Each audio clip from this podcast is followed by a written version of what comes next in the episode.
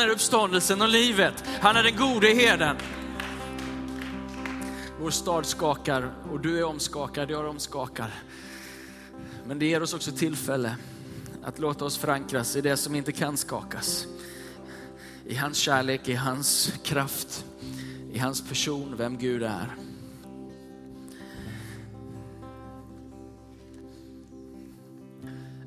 En bild som florerade förra helgen, det var en bild på Drottninggatan och då var det en, en skylt som låg nedslagen. Jag vet inte om du märkte det, men det stod i kvarteret Adam och Eva. Och jag tänkte det, och vi tänkte det, det här är ju vår trädgård. Det här är ju vår trädgård, det här är ju våra gator, det här är ju våran stad. Det ska inte få hända i våran stad. Nu är vi tacksamma för att det inte blev värre. Mitt i det fruktansvärda som hände. Och för de familjer som drabbats så kunde det inte blivit värre.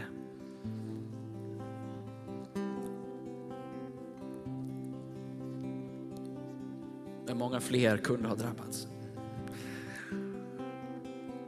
Jag skulle önska att vi formade lite mindre grupper i församlingen här. Ta någon vän, någon som du kom med. Om du inte brukar gå i kyrkan och inte är van med att be, så vi tar en stund inför Gud nu. Och så bara ber vi att det tjuven kom, det fienden kom för att plantera vår stad ska inte få bli planterat. Den fruktan som han vill ska drabba vår stad ska inte få gripa taget om vår stad. Utan vi tror att istället kärleken ska få resa sig i vår stad och kärleken ska driva fruktan på flykten i Jesu namn. Vi ber om att han som kom för att ge sitt liv för fåren, hans liv ska, ska gå ut i, eh, eh, från församlingen ut på de här gatorna. Att vi ska få se en upprättelse. Ta någon och så tar vi och ber. Ta och be för din stad, för de människor som du vet är drabbade, för vår situation i det här landet. Nu vänder det till Guds fördel, till det som han vill göra i den här situationen. Låt oss be. Mm, kom helige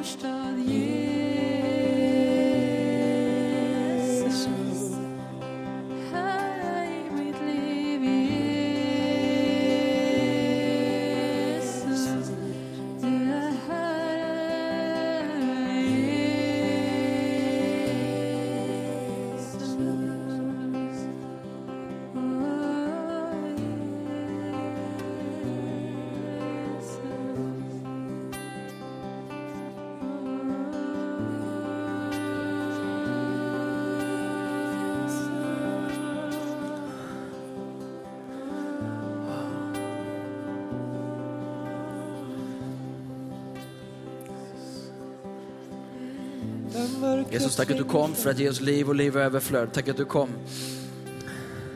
som den gode herden här.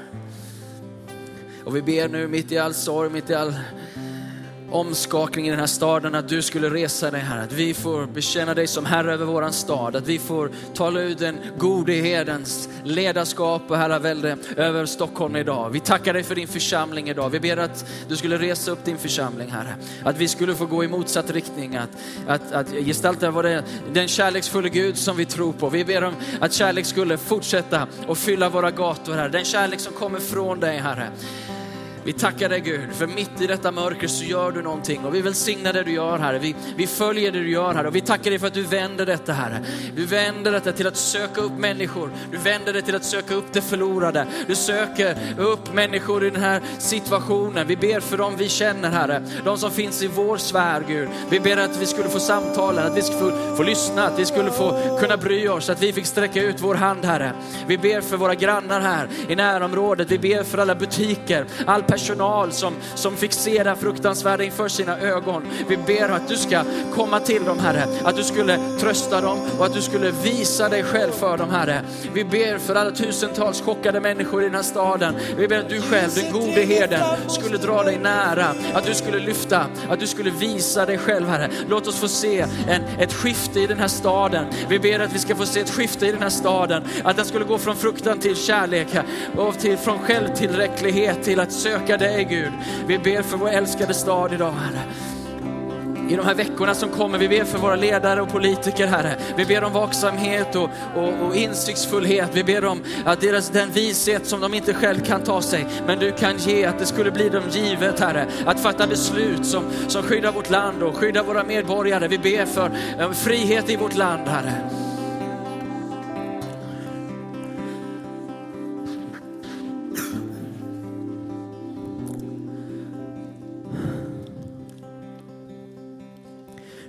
Kan få se den här bilden, jag tror att Jakob hade fixat den.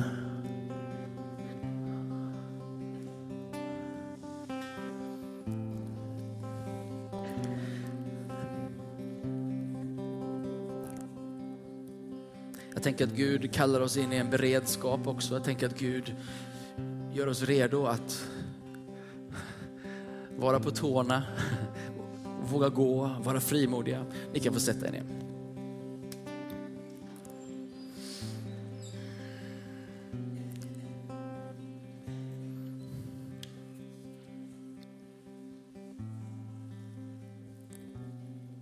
Eftersom vi var i huset här när det hände så känslomässigt så går du in väldigt starkt. Man, man fick höra skriken och höra allt det här var så nära. Och, men någonstans den här bilden och känslan av att vårt grannskap, våra gator, att vi fick en förnyad kärlek och överlåtelse en känsla av ansvar för vår stad. Att vi fick vakna upp ur vår egen lilla drömvärld.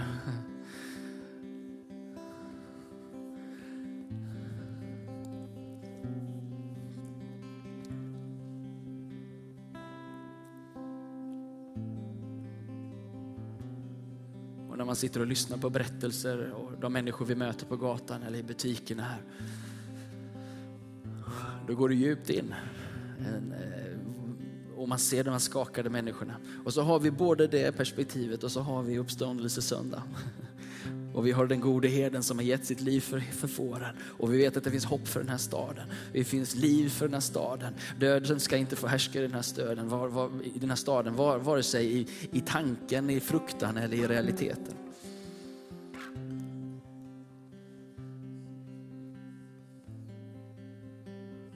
Men församlingen har fått ett uppdrag, inte bara vi, men vi tillsammans med alla. Att vara ljus och salt i den här staden, eller hur?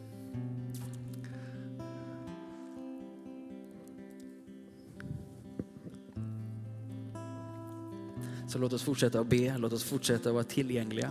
Låt oss fortsätta att betjäna den här staden. Inte bara nu i kristider, men framöver. Att älska vår stad söka vår stads bästa.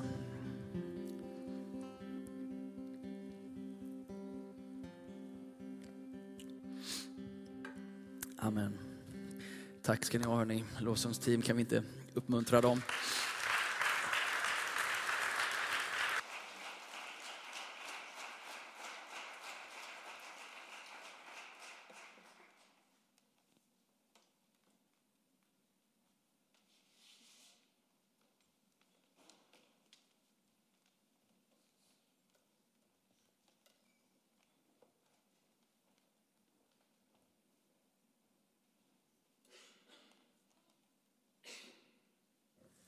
Och välkomna till Citykyrkan än en gång.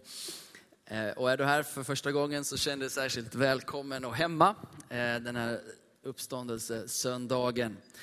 Eh, Paolo Orlenius heter jag och pastor i församlingen här. Eh,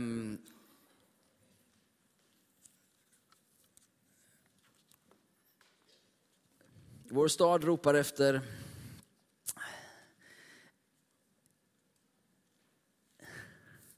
efter något att förankras i. Och ehm, eh, Jesus är en bra, ett bra ställe att gå till. Ehm, den här staden ropar efter tro, hopp och kärlek. Det var något som jag, man liksom läser av. Och Jesus är den som kan ge tro, hopp och kärlek. Um, uppståndelsen ska vi prata om alldeles strax här. Ehm, och för mig är det lite som när jag, när jag var liten, så hade jag en benägenhet och eh, att det var att plocka sönder alla tekniska apparater som kom i min väg. Det var underbart när en teknisk apparat gick sönder hemma, för då visste jag att nu får jag äntligen plocka sönder den och se hur det ser ut där inne. Eh, och var den riktigt lyckad, liksom så här, då kunde jag få plocka ihop det och kanske till och med få det att funka igen. Hade jag någon sån här, för det uppvrid, jag hade en klocka klocka, en gammal, gammal väckarklocka. Jag tror vi till och med har kvar den. Den har jag inte fått att funka, men den skruvade jag sönder i alla delar. Och sen satte jag ihop den igen. Ett tillfälle så var det en hårtork som var sönder. Um, och jag gjorde det klyfta i att sätta i eh, den i väggen. Och kanske tio år gammal började skruva sönder det där plastskalet.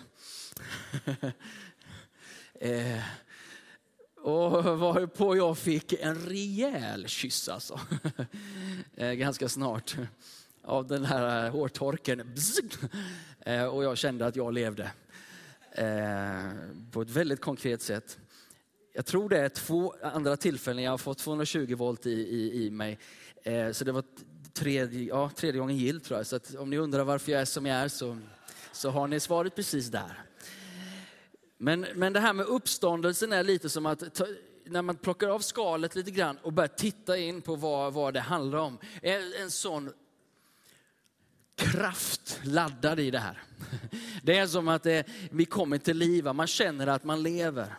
När, när, när liksom det som kristendom, det som kyrka eller det som vår tro är, till en första anblick kan för någon tyckas tråkig, irrelevant, något för en, en generation som eh, snart dör eller något liknande.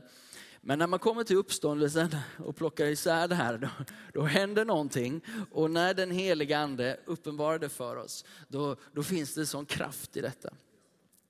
Eh, det ger kraft till tro som flyttar berg. Det ger hopp in i de mest hopplösa situationer. Det ger hopp och kraft att, att, att, att, att vara uthållig när prövningen är som svårast. Det ger kärlek in i de mest svåra situationerna när, där vi inte själva kan älska. Men där det finns en kärlek kopplad till den uppståndelsekraft som pulserar fram genom Jesus Kristus. Eh, den här staden behöver ett folk som förkroppsligar tro, hopp och kärlek och det finns grundat i Jesus. Det finns något annat som Jesus ger oss. Ehm, som ehm, vi behöver ha i vår grund och vår förståelse av vem, vem Jesus är och vad han faktiskt ger oss. För tro, hopp och kärlek, det kan man till och med göra en tv-serie om nu för tiden, eller hur? Och det kan ju betyda precis vad som helst. Så att det, men ska vi någonstans hitta någon form av grundfundamenta, var och på vilket sätt och vad, vad betyder det här för oss? Och om vi börjar titta på Jesus, vad är det han lämnar efter sig? Som, som är outstanding i mina ögon, som är enastående grundfundamenta till att förstå livet utifrån. Ehm, och vi sitter några stycken kristna ledare och tittar på olika delar i samhällets ehm, olika ödesfrågor skulle man kunna kalla det, olika saker som håller på att förändras och har förändrats över tid. Och det håller inte på att förändras till det bättre i våra ögon, utan det förändras till det sämre. Och då har vi funderat på vad finns det för grundfundamenta, vad finns det för något som är liksom hjärtesaker som på något sätt vi tror behöver genomsyra hela vår världsbild och allt vårt sätt att se på livet. Jag hoppas ni hänger med mig här nu, det blir lite teoretiskt. Men, men, men det Jesus ger oss är tre saker, förutom tro, hopp och kärlek. Det är att han ger oss en, en upprättad gudsbild. Gudsbilden i Jesus, det finns ingen som ger en sån gudsbild som han. Det finns ingen religionsstiftare, ingen profet, ingen visdomslärare som så tydligt visar på vem Gud är. Han ger oss vem Gud är, för han är Gud själv. Och, och, när det börjar gå ner i oss att hur han är Gud, jo se på Jesus. En Kristuslik Gud, det är vi får. Det är vad vi får när vi, när vi lyssnar på Jesus och låter, oss, låter vår gudsbild formas av Jesus. Det andra som han ger oss, det är att han ger oss en upprättad människobild. Han ger oss en, ny, en, en, en upprättad bild av mänskligt värde, vem vi är. Så för det första är att han ger oss ett grundfundament när det kommer till vem Gud är. Och det andra är att han ger oss ett grundfundament vem vi är. Han ger ett upprättat värde och inte minst hur han själv hanterar människor. Eh, hur han tar det som är förkastat, hur det som är eh, illa däran, det som är kriminellt, det som är liksom eh, samhällets avskum, de behandlar han med värdighet. Han plockar upp människovärdet och insätter det och visa tydligast genom att själv bli människa och dö i människornas ställe. Där förstår vi också mänskligt värde. Vi förstår också att Jesus blev, eller snarare Jesus blev fylld med den heliga ande redan i moderlivet. Det visar oss att livet börjar innan födelsen väldigt tydligt. Att Gud formade i magen och fyllde Jesus med den heliga ande i magen. Det ger en upprättad bild av vad som är mänskligt liv och när det börjar. För det tredje, ett grundfundamenta, så som jag ser det, det är att han ger oss vad nåd är, vad upprättelse är, vad frälsning är. Han visar oss vad nåd är. För vi har inte det i oss. Vi brukar kalla det för en skandalös nåd. För den är skandalös. För den ger på riktigt oförtjänta människor nytt hopp och liv och räddning. Rövaren på korset bredvid hans sida, vi vet inte vad han har gjort, men vi vet att han är dödsdömd. Vi vet att han har gjort så mycket illa att han i det rättssystemet förtjänar döden. Det är ingen snäll människa, han förtjänar inte nåd. Ändå är det precis det Jesus ger honom den dagen han söker det. Och han från den stunden blir upptagen i paradiset.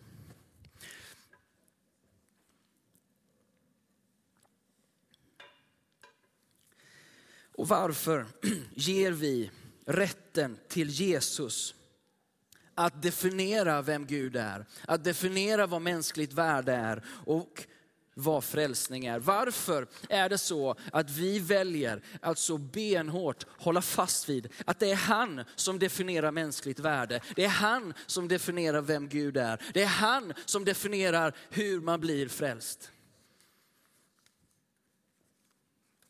Varför håller vi så fast vid det? Jo, därför att han är Guds son. Det är egentligen inte för att vi håller med honom eller tycker som honom. Det är inte det som ger, eller på något sätt är det som är grunden för att vi ger honom rätt. Utan varför har han rätt att säga, så här är fadern, så här är människan och så här blir du frälst. Det är på en grundval som är varför vi ger honom rätten. Det är för att han är Guds son. Han talar inte som en människa, utan han, kom, han talar som människa, men han talar också som Guds son. Han bär med sig en auktoritet i sig själv och talar och därför så ger vi honom rätten att definiera de här sakerna. Han är Guds son. Därför så säger vi, Jesus, vad säger du om de här sakerna? Vad är det och på vilket sätt är det du definierar vem Gud är, vad mänskligt liv är och vad räddning är, vad nåd är, vad kärlek är i handling. Vart är jag på väg med det här? Om du går till Romarbrevet 1 och, och vers 3-4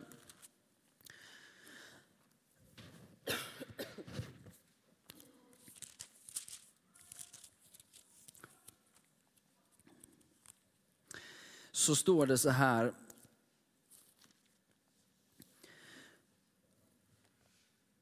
Evangeliet handlar om hans son som till sin mänskliga natur är född av Davids ett och som genom helighetens ande med kraft har bevisats vara Guds son efter uppståndelsen från de döda. Jesus Kristus, vår Herre. Varför tror vi att Jesus är Guds son och förtjänar den rätten att definiera allt det som vi nyss sa. Det är för att han är Guds son. Hur vet du och jag att han är Guds son? Och för att han är uppstånden ifrån de döda. Det den här dagen markerar, det markerar verkligheten om vem Jesus är. Och det ger grunden till varför vi så tillförsiktligt håller fast vid hans ord och hur han, hur han definierar saker. Jag vet inte hur du har det på din arbetsplats eller hur du har det i din vardag. Men vi lever i ett sekulärhumanistiskt samhälle och ständigt, och det är inte bara en intellektuell vad ska man säga, programmering, utan det är också en andlig påverkan. Att vi så lätt tappar, vi så lätt blir lite förvirrade. Vi tappar lite den här övertygelsen eller vetskapen eller uppenbarelsen om varför vi tror på det vi tror på. Att vi får det djupt i vår ande av den heliga ande uppenbarat att han är Guds son, att han är uppstånden från de döda, att han lever idag. Att det är sant. Att det är verklighet. Och det är verkligare än att människor faktiskt dör på gatan. För den verkligheten fanns innan allt det andra skakade. Och den verkligheten står fast när allting annat skakar. Och du som är här idag gör väl i att fly till honom som inte kan skaka. För vi vet inte när det skakar igen. Vi vet inte vår morgondag, eller hur? Det är ingen av oss som vet vad vi har att räkna med imorgon. Vi vet bara en sak. Och det är en som inte skakar. Vi vet att det finns en som är Guds son, bevisad genom uppståndelsen. Att han är att räkna med i livet och i döden. Han är uppstånden ifrån de döda. Han lever. Men det är bara om han lever som, han är värt, som det här är värt att hålla sig till. Det är bara då det blir värt att leva och dö för.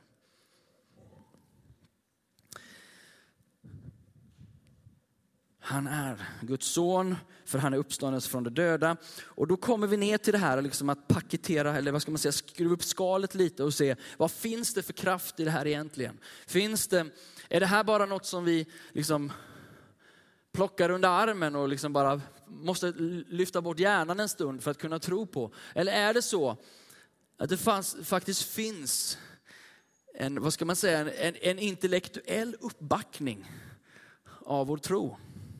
Tron har aldrig en intellektuell, du kan inte tänka dig ut tron på Gud.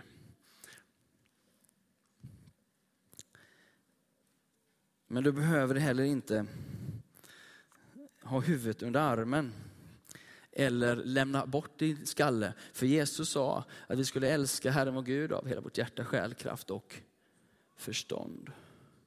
Det måste innebära att det här kan i allra högsta grad vara eh, involverat i vår gudstro. Han uppstod från de döda. Hur vet vi det?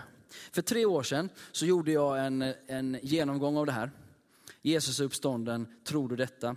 Och så gjorde jag, hur vet vi att Jesus uppstod, graven var tom och jag gjorde en, en genomgång.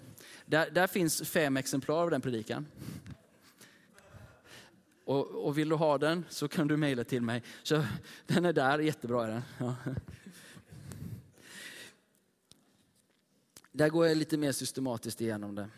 Men det här, det här har varit viktigt för mig i alla fall. Eh, för, för jag brottades i min tro, jag hade fått möta Jesus, jag hade en erfarenhet av honom. Men fram till dess att uppståndelsen riktigt landade i mig och jag faktiskt kunde använda mina hjärnceller också. Det, då, då, då var det en kamp.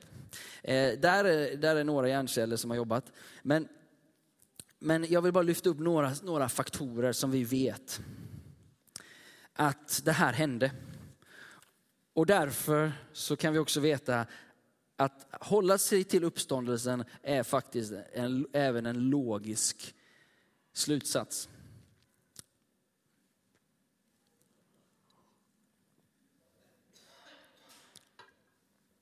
Dels så kan vi säga det här, bara väldigt kort, att kristendomen när den föddes, hur den snabba spridningen som blev de första tiotal åren, som sen avstannade lite för det blev som våldsam förföljelse och sen som tog av igen.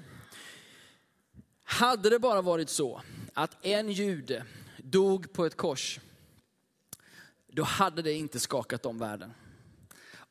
För det var tusentals judar som hade blivit korsfästa. Några år tidigare så hade man korsfäst 2000 judar rakt igenom hela landet. Romarna gjorde detta för att demonstrera för hela Israel att gör inget dumt för att döda vi er allihopa. Att dö på ett kors på den tiden var inget uppseendeväckande. Men att, att dö på ett kors var inte uppseende, men att uppstå från de döda, det var uppseendeväckande. Och de 500 som Bibeln säger såg honom. Vi kan inte säga att alla de var beredda att dö för den sanningen, för vi har inte den historiska uppbackningen. Men vi vet att i alla fall 11 av de 12 apostlarna var beredda att dö för den vetskapen. Och de var ögonvittnen. Hur kan man gå tillbaka till en historisk händelse som hände så pass länge sedan? Om, om inte till ögonvittnena. Det är lika så med bara förintelsen som var för, vad det nu är då, 65, 70 år sedan. Det finns ju de som förnekar det. Det är helt obegripligt. Vad gör vi för någonting? Jo, vi går, ner, går till ögonvittnena. Vi frågar de som var där och lyssnar på deras berättelser och vi förstår att det här går ju inte att förneka. När vi kommer till ögonvittnena och när vi kommer till uppståndelsen så är det så att hela det gänget, de är beredda att springa med det här till världens ände. Till och med Thomas tvivlaren. Till och med han som i evangelierna beskrivs som den mest tvivlande av dem allihopa, som kanske mest representerar dig och mig. Som säger ungefär så här, jag kan inte tro det förrän jag ser det själv. Eller hur? Thomas var en sån här, jag måste få känna hålen i händerna. Och lite som jag, jag måste skala av den här hårtorken. Va? Ja men det var kraft i den, fast den såg rätt död ut. Det var ingen effekt i den, liksom. hände ingenting. Men bzz. och då så är vi, vi vill plocka sönder det. Men Thomas tvivlaren var en sån. Är Anita här idag? Anita och Michael är ju här. Thomas kommer ju ända där ni kommer ifrån. Där finns kyrkor än idag. Om Thomas tvivlaren som, som, som gick hela vägen till Indien med evangelium och planterade församlingar hela vägen. Det är ganska bra för en tvivlare. Så det finns plats för dig och mig. Men ögonvittnena gjorde inte detta för att de såg Jesus dö. De gjorde det för att de såg han uppstånden. Och inte en, inte tio, hundratals. Och hela romarriket får höra detta, att han som var död nu lever. Och det är vi beredda att dö för. Inte döda för. Det är en väldig skillnad på martyr och martyr här. Och på tro och tro. Det är en sak att vilja döda för sin tro och en helt annan sak att vilja dö för sin tro. Och det som är intressant är att det här är inte bara andra generationens lärjungar. Man skulle kunna tänka så här, att om man nu är lite konspiratorisk, lärjungarna tycker det här var ett dåligt nederlag. Vi måste hitta på någonting. Vi stjäl kroppen, vi säger att han lever och så kör vi på det. Och det är ju roligt ända till svärdet är mot halsen. Va? Eller som vi kan i historien, kyrkohistorien läsa. Jakob, Sebedeus son, avrättades för år 44. Simon Petrus dog förmodligen 67 i Rom, korsfäst med huvudet nedåt. Andreas, som var Petrus bror, korsfästes i Grekland på 80-talet. Filippos korsfästes och stenades i Reapolis. Eh, Bartolomeus flodd levande, korsfäst och huvudet nedåt och halshuggen. Matteus som skrev evangeliet blev nedstucken med spjut. Thomas mördad i indiska staden Kalamina. Simon Seloten dog martyrdöden. Enda aposteln som dog naturlig död var Johannes. Markus evangelisten blev dragen av hästar genom Alexandria tills han dog. Lukas hängdes av avgudapräster i Grekland. Paulus halshöggs förmodligen under Nero 19, eh, år 67. Alltså har man någon konspiratorisk idé, då dör den efter ett tag och man måste sätta livet till. Det hade varit en annan historia om, om de på något sätt hade kokat ihop någonting och lyckats få en sån mytologisk spänning i det här, att sen lärjungar var beredda att dö för det. Men när vi tittar på de här ögonvittnena, när vi kommer riktigt nära kärnan, så ser vi att de alla är beredda att leva och dö för det här. För han uppstod från de döda. Han uppstod från de döda. Den spridning som hände, det som vi såg effekten, hade inte kunnat ske om det här var bara en uppdiktad historia. Vi har anledning att tro ögonvittnena. I Apostlagärningarna 4 och 20 så möter vi den här liksom reaktionen precis i början. Johannes och Petrus har blivit tillfångatagna för att de har botat en sjuk. Och de hotar dem och säger att de ska vara tysta. Och så säger han, men vi för vår del kan inte hålla tyst med, med vad vi har sett och hört. Då hotade de dem igen, men lät dem sedan gå för folket skull. Vi för vår del kan inte hålla tyst. Så var det. De kunde inte hålla tyst med det de hade sett och hört. Han är uppstånden. Vill du ha mer belägg för det här så kan du läsa där eller mejla mig så kan jag skicka det till dig. Låt oss gå till Johannes 11 och 25 avslutningsvis.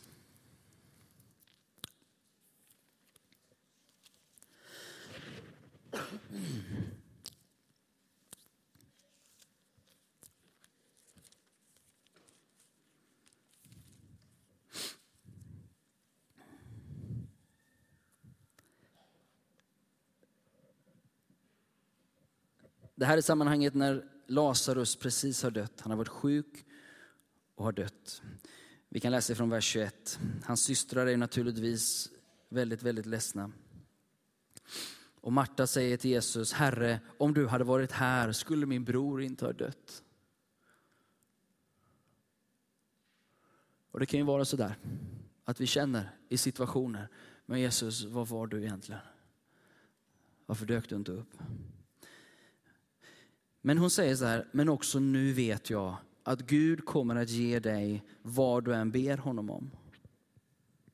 Och Jesus säger, din bror ska uppstå. Marta svarade, jag vet att han ska uppstå vid uppståndelsen på den yttersta dagen. Men Jesus säger, Marta, jag är uppståndelsen och livet. Den som tror på mig ska leva om han än dör. Och den som lever och tror på mig ska aldrig, aldrig någonsin dö. Och så ställer han den här personliga frågan som jag också vill ställa till dig idag.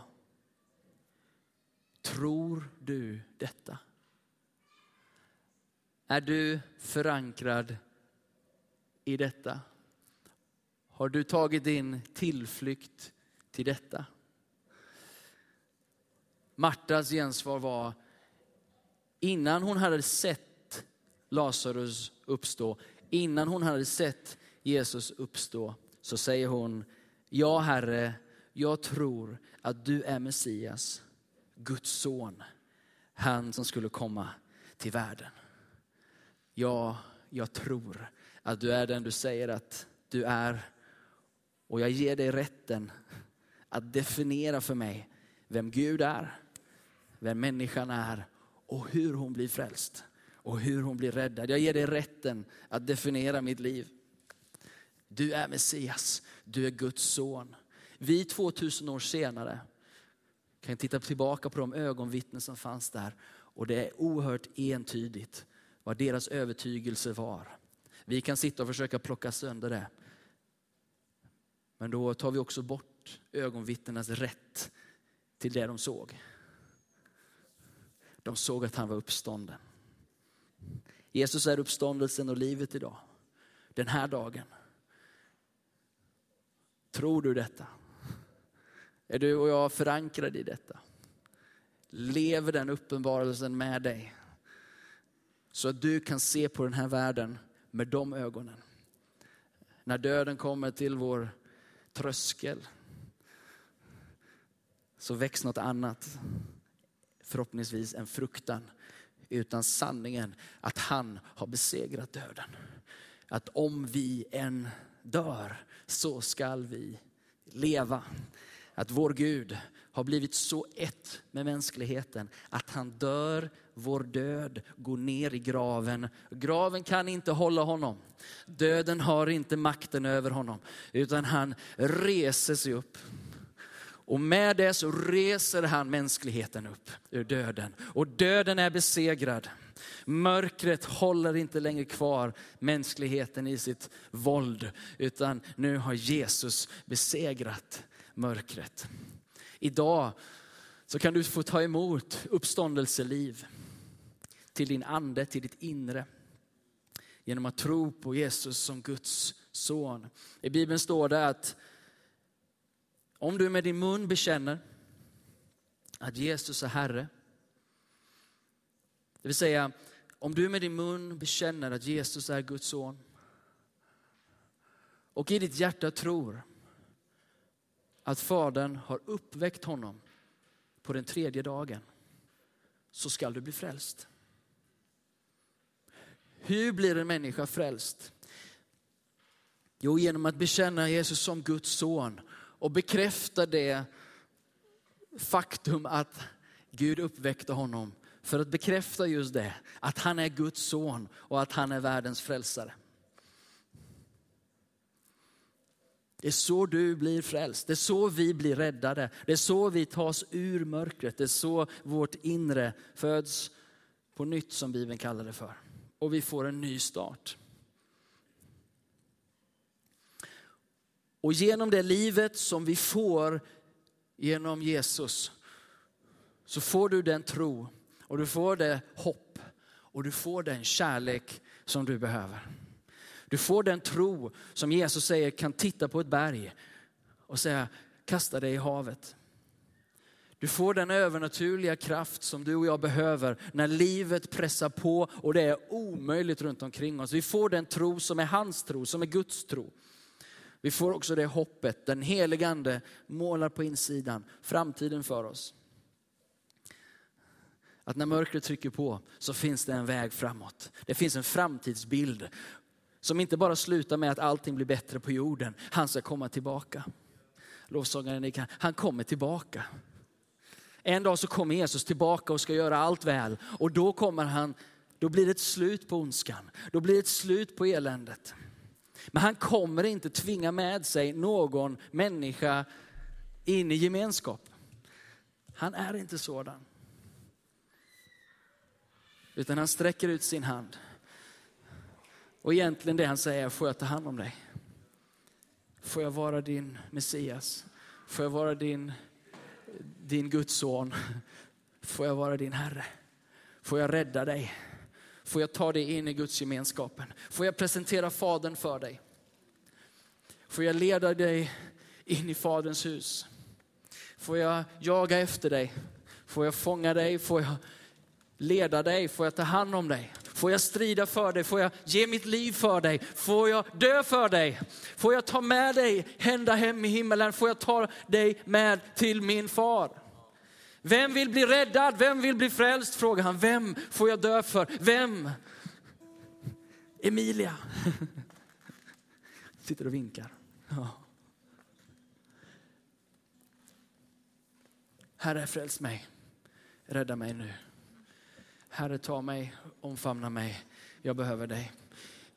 Jag, jag, jag, söker min tillflykt och tillförsikt i dig. Jag, jag söker svaren på vem Gud är, vem människor är, vem människan är och hur nåd, frälsning, upprättelse funkar. Jag, jag ger upp, jag slutar försöka definiera själv. Jag låter dig definiera. Att hålla Jesus för sant, eller att hålla till och med uppståndelsen för sant, frälser ingen människa.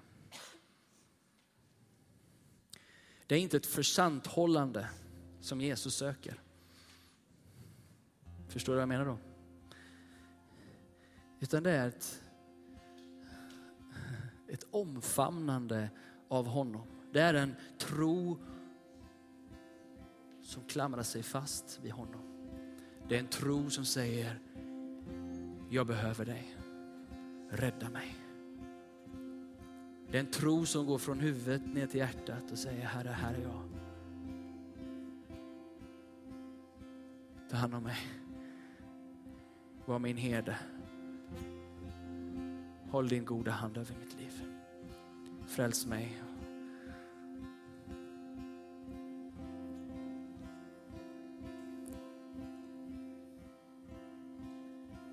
När jag var 17 år så gav jag upp på det sättet. Jag sa ja. Jag hade vuxit upp kristen gemenskap på olika sätt, men från mitt hjärta där jag på riktigt kände, nu släpper jag taget. Nu Herre, omfamnar jag dig. Jag hade inte alla svar på, på, på, på plats. Jag behövde fortfarande skruva sönder den där eh, hårtorken ett antal gånger. Och få mig mina kyssar. Jag behövde många för att det här riktigt skulle landa.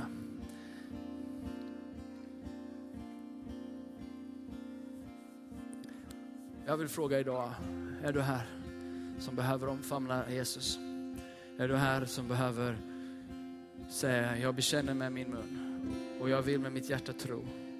Jag vill fästa mitt hjärta vid honom som Guds son och låta honom vara min frälsare. Jag kan bara göra så att vi blundar i kyrkan idag. Och du som redan har tagit det här beslutet, du kan få be. Be för den som sitter här idag och som Gud söker.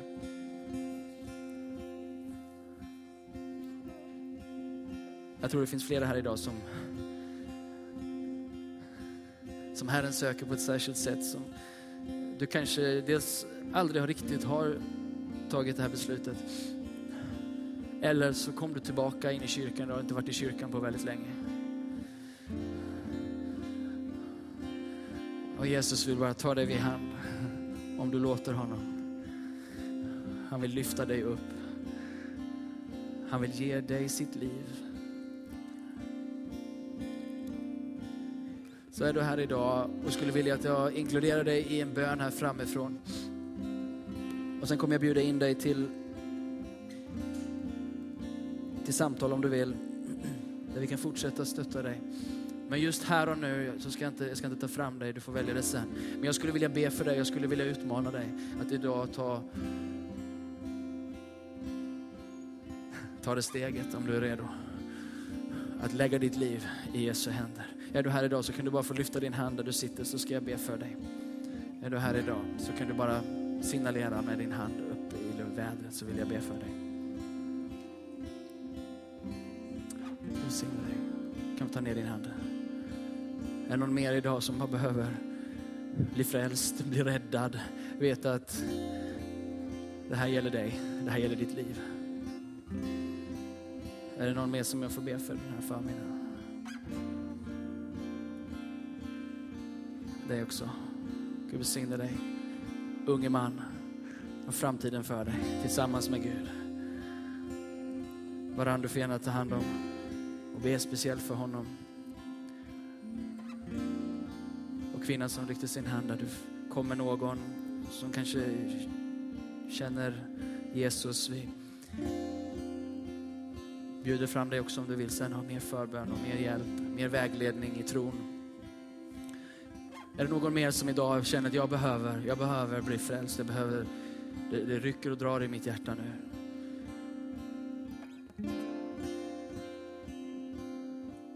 Gud, då vill jag bara tacka dig för de här två personerna som idag sträcker sig till dig, Herre. Och tar emot det som du redan har gjort, Herre. Det som är, redan står fullbordat och klart. Tack för att du frälser och räddar. Tack att du tar handen, precis som du tog rövarens hand. Gud välsigne dig också. Bli frälst här just nu. Ta emot honom just nu. Tack gode Gud för hennes liv också. Bli räddat i den här stunden, få nytt liv på insidan, få uppleva gemenskap med himmelens Gud. Vi tackar dig Gud för att idag så får vi fira med, med tre personer, tre människor, tre ljuvliga, härliga individer som du dog för, som du älskar så högt. Tack för den plan du har för deras liv. Tack att du har utstakat en god väg. Vi ber nu att du invaderar deras liv med tro, med hopp och med kärlek. Vi ber att där fruktan har rått, att din kärlek ska få komma. Där, där det har funnits missmod, att ditt hopp ska komma, Herre. Där vi har varit kraftlösa, tro ska komma. Så jag välsignar dem i ditt eget namn, i Jesu namn. Amen. Ska vi göra så att vi ställer oss upp så kan vi bara applådera dem som tog emot Jesus den här stunden. Vi bara välkomnar dem. Prisa dig Fader, att du är uppstånden ifrån de döda. Att du frälser och räddar Herre. Vi älskar dig Jesus. Vi tackar dig för nytt liv och ny kraft den här dagen.